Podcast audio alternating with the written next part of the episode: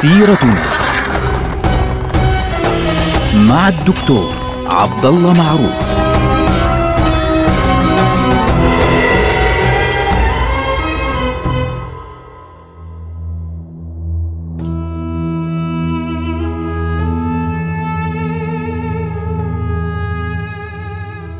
السلام عليكم ورحمة الله وبركاته. سيرتنا سيرة هذه الأمة ونحن الآن في عهد السلطان عبد الحميد الثاني.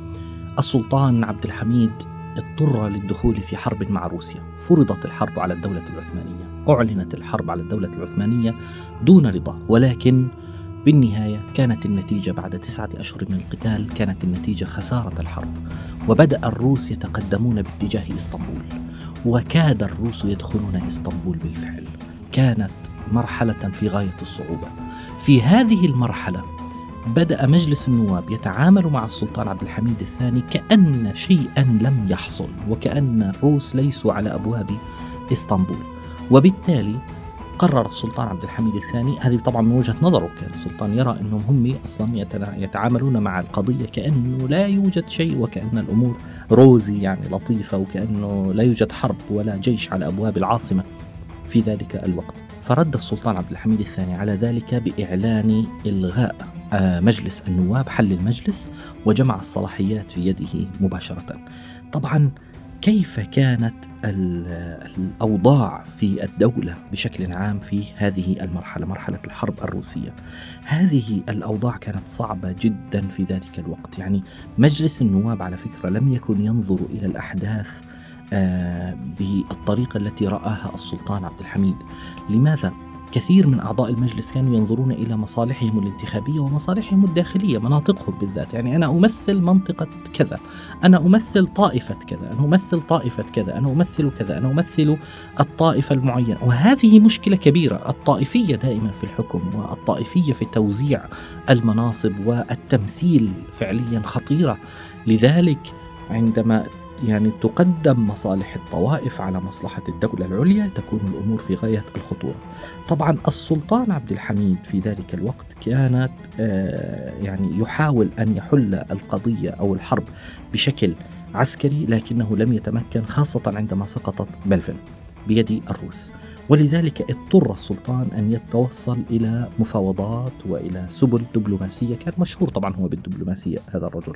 فيعني حاول أن يوقف الزحف الروسي عن طريق يعني ضرب الإنجليز بالروس لأن يعني الإنجليز كان يهمهم في ذلك الوقت أن لا تصل الأمور إلى أن تحتل روسيا أو الجيش الروسي يحتل آه، إسطنبول العاصمة العثمانية في ذلك الوقت خوفا طبعا على أنفسهم وخوفا على مصالحهم لأنه إذا تم احتلال إسطنبول فكل مصالحهم في مضيق البوسفور وبعد ذلك في مضائق الدردنيل وفي بحر مرمرة وفي آه، بحر إيجا ستتعرض للأذى. فلذلك كانوا يخشون من هذه القضية. واحد من آثار هذه الحرب كانت فوضى كبيرة جدا في مناطق أوروبا. ليه؟ هذه الحرب وقف فيها البلغار وقف فيها الصرب مع والجبل الأسود وقفوا فيها مع الدولة الروسية ضد الدولة العثمانية. وكانوا يريدون من خلال ذلك الاستقلال. وكان من أهم آثار هذه الحرب إعلان استقلال بلغاريا. يعني بلغاريا استقلت أعلنت استقلالها عن الدولة العثمانية وبدأت يعني مشاكل كبيرة جدا في هذه المناطق. يعني بدأت عمليات تطهير عرقي حقيقية قامت بها بعض الوحدات البلغارية في ذلك الوقت. يعني روسيا غضت الطرف عنها. لماذا؟ هي كانت تريد إنهاء القضية خلاص يعني. آه لأن هذه الأراضي التي استولت عليها روسيا واستولى عليها البلغار فعليا هذه الأراضي كان ينبغي أن تخفف فيها الوجود الإسلامي يخفف بقدر الإمكان وجود الإسلام التركي في ذلك الوقت وتحول بعض هذه العمليات إلى مجازر حقيقية. فالأتراك الذين يسكنون في مناطق بلغاريا وفي غيرها وفي مناطق البلقان أيضا بدأوا يهربون ويفرون من هذه المناطق باتجاه الدولة باتجاه آه الأناضول باتجاه داخل الأناضول. فكانت خطيرة جدا يعني استعملوا الطرق البرية استعملوا السكك الحديدية استعملوا البحر حتى كي يصلوا إلى مناطق الأناضول.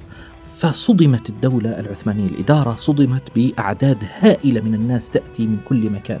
برقيات من ال يعني من كل مكان تدفقت إلى إدارة التلغراف في العاصمة تتكلم عن هجرات عالية جدا بعد هجوم الروس على مناطق نهر الدنب وتم إخلاء الأهالي من مناطق من مدينة دوبرجة مثلا. يعني تم إخلاء الأهالي بالكامل تقريبا من مدينة آه، دوبرجة ومدينة تلتشة أيضا. كانت تم يعني إخلاؤها بالكامل من الأتراك. مئات الآلاف تجمعوا في مناطق تراكيا. تراكيا اللي هي القسم القريب من إدرنا.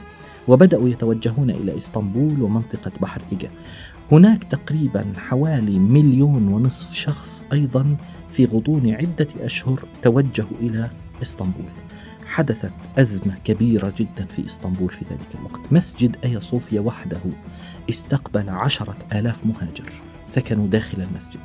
مئات من المهاجرين فتح لهم غرف الخدم في قصر دولمباجة هناك الغرف الخاصة آه، بالبشوات وبغيرهم والمسؤولين في قصر بيلربي على سبيل المثال فتحت للمهاجرين. قسم الخزينة الملكية التي كانت في قصر توبكابي فتح أيضا لهؤلاء الناس.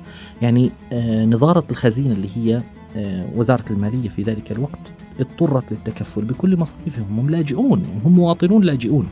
حتى إنه يعني بعض المباني الخاصة بالسلطان نفسه فتحت للمهاجرين في قصر توبكابي يعني آه وبدأ تعليم حتى السكان هؤلاء الذين أتوا إلى هذه المناطق. وبدأ بمحاولات بناء العقارات فعليا في عدة مناطق في إسطنبول لكي آه يدرس فيها هؤلاء السكان. حتى أنه آه، ناظر الخزينة الخاصة في ذلك الوقت اللي هو يعني وزير الخزينة اللي هو أجوب باشا فكر في أخذ الأجرة من هؤلاء الذين يقيمون في داخل الدوائر والمؤسسات. يعني حتى المؤسسات حتى الوزارات فتحت فعليا لهم لكي يسكنوا فيها. فالسلطان مباشرة يعني جابوا لعنده قال له اوعى. إياك أن تأخذ قرشا واحدا من أحد اللاجئين القادمين من هذه المناطق. يقول هؤلاء ضحايا بؤس وضحايا شقاء. تريد أن تأخذ منهم أموالا؟ هذا غير معقول. وبدأ فتح المزيد من المباني التابعة للحكومة لاستقبال المهاجرين حتى أنه قصر تشران. قصر تشران خصص يعني حول إلى مستشفى وخصص لمستشفى. وأسس أيضا قرب قصر يلدز آه، مستشفى لمعاينة الجرحى وعلاجهم.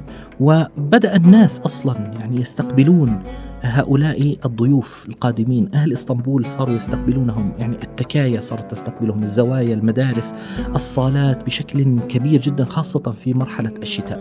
لكن الأعداد كانت كبيرة جدا. وفي نهاية الشتاء في ذلك الوقت انتشر التيفوئيد. مرض التيفوئيد انتشر بين المهاجرين في ذلك الوقت ووصل في شهر يعني كما سجل في بعض الوثائق العثمانية في شهر ثلاثة من ذلك العام وصل المكدسون من المرضى بالتيفوئيد في مستشفيات إسطنبول عشرين ألف شخص تقريبا. كان الأمر خطيرا جدا والقوات الروسية قريبة من إسطنبول.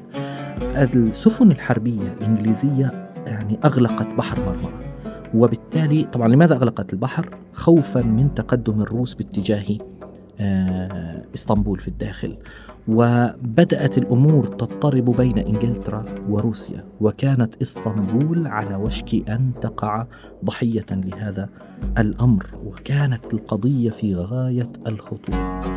لكن السلطان فعليا في ذلك الوقت يعني تعامل مع الموضوع بمنتهى المسؤولية السلطان عبد الحميد وأمر بتجنيد كل إمكانية الدولة الداخلية لمعالجة الوضع الداخلي لهؤلاء المهاجرين القادمين من كل مكان. وخاصة أن هذا الأمر تبعه انقسام عدد من المناطق وابتعادها عن الدولة العثمانية بسبب هذه الحرب الروسية. كان شيئا مرعبا كان شيئا مخيفا. طبعا عندنا مشكلة حدثت بسبب هذه الأحداث حادثة مهمة جدا اللي هي حادثة شران. حادثة شران كما تسمى وهذه كانت يعني أحد النتائج التي حصلت بسبب آه، الحرب الروسية وتدفق المهاجرين بشكل كبير جدا. طبعا ما هي هذه الحادثة؟ هذه الحادثة حصلت في التاسع عشر والعشرين من شهر مايو اللي هو خمسة من عام 1878 هذه كادت أن يعني أن تدخل الروس إلى إسطنبول ما هي القضية؟ واحد شخص اسمه سعاوي أفندي هو أصلا بخاري يعني بخاري الأصل أتى إلى إسطنبول وهذا الرجل آه، كان يعني يعني معروف بأنه يثير الفتن والمشاكل إلى آخره. آه، أخرج أكثر من مرة وأعاده مدحت باشا، مدحت باشا أحد الأركان الأربعة الذين انقلبوا أصلا على السلطان عبد العزيز، أعاده وعينه ناظرا. آه، ثم بعد ذلك أخرج ثم أعاده مرة أخرى ثم ثم بدأ هذا الرجل يخطط فعليا آه، سعوي أفندي لإسقاط السلطان عبد الحميد الثاني بسبب آه، نهاية الحرب الروسية وتكدس أعداد المهاجرين في هذه المنطقة. وكانت الفكرة المطروحة في ذلك الوقت إعادة السلطان مراد إلى عرش السلطنة. إلى عرش السلطنة كانت شيئا مرعبا. يعني هذه الفكرة آه، يريدون ضرب السلطانين ببعضهما البعض. طبعا السلطان مراد أصلا خامس أصلا مريض. وكانت الفكرة أنه يجب أن يتم اقتحام قصر آه، الذي يقيم فيه السلطان مراد وإحضارهم مباشرة. ما الذي فعله هؤلاء؟ لبسوا ملابس المهاجرين. لبسوا ملابس المهاجرين وعمائمهم ملفوفة وأظهرهم مربوطة وحاملين سلاح. وصاروا ينادون كأنهم هم مهاجرين جاي يعني جايين من مناطق بلغاريا وصاروا ينادون بكل قوة يعني يصرخون أنه نحن نريد إنقاذنا من الروس، إنقاذنا من الروس، أنقذونا من الروس. وتوجه هؤلاء حوالي 200 300 شخص تقريبا توجهوا إلى قصر آه، ودخلوا المبنى الرئيسي عندما قتلوا الحراس. يعني أول ما وصلوا قتلوا الحراس وفتحوا الباب ودخلوا مباشرة باتجاه المكان الذي يقيم فيه السلطان مراد الخامس. طبعا أول ما الناس سمعت أصوات السلاح تحركوا باتجاه صحن القصر اللي هو القسم. مباشرة طبعا قسم الحرم في هذا القصر كان يعني أكثر منطقة ارتعبوا من من الحدث. فخافوا أن يكون هناك مشكلة كبيرة يعني يمكن أن تؤدي إلى آه، قتل بعض النساء والأطفال. المبدأ كان الأمر يعني خطيرا جدا ووصل هؤلاء حتى تمكنوا من دخول القسم الخاص بالسلطان مراد وتمكنوا من الإمساك بالسلطان مراد وقالوا له يعني نحن نريد مبايعتك. السلطان اطلع فيهم أصلا هو مريض. السلطان مراد خرج مع أمه يعني فعليا. ف يعني حتى فكر ماذا ماذا أفعل يعني بهؤلاء الناس. هو مريض لا يعرف يعني ماذا يفعل. يعني ما لا يعرف ما الذي يدور من حوله ولكن بدأوا يتدفقون باتجاهه وأمسكوا بمراد من شماله ويمينه خارجين به إلى سفينة تنتظر على الساحل. يعني هذه السفينة كانت ستنقله فعليا إلى السرايا الخارجي إلى سرايا دولمباتش بحيث يتم إعلانه آه، سلطانا بعد ذلك. عندما أرادوا إخراج السلطان مراد من الباب التقوا هناك بجنديين ومعهما حارس في المكان. بمجرد أن وقف أمامهم هذا الحارس ضرب أول واحد بالعصا وضرب الثاني بالعصا ثم بعد ذلك بدأ المتمردون يصيحون وحاولوا الهجوم عليه فأطلق النار مباشرة. فلما أطلق النار مباشرة السلطان مراد ارتعب خاف اصفر وجهه لأنه هو أصلا كل قضيته كانت صدمة بسبب قضية قتل آه، عمه السلطان عبد العزيز. فعاد إلى الداخل وانتهت القضية بذلك. يعني لاحظوا كيف بهذه الطريقة. يعني تقريبا أطلقت النار والمتمردون قتل منهم عدد يعني عموما وقتل في ذلك الوقت علي سوافي ومشلي صالح وبعض القائمين على هذه الأفكار وعلى رأسهم صاحب هذه الفكرة سعوي أفندي هذا. وانتهت هذه الفتنة في أصلها. وكانت القضية تشير إلى أن هناك بعض الجهات تحاول أن تثير الأوضاع داخل الدولة العثمانية. نلقاكم على خير والسلام عليكم.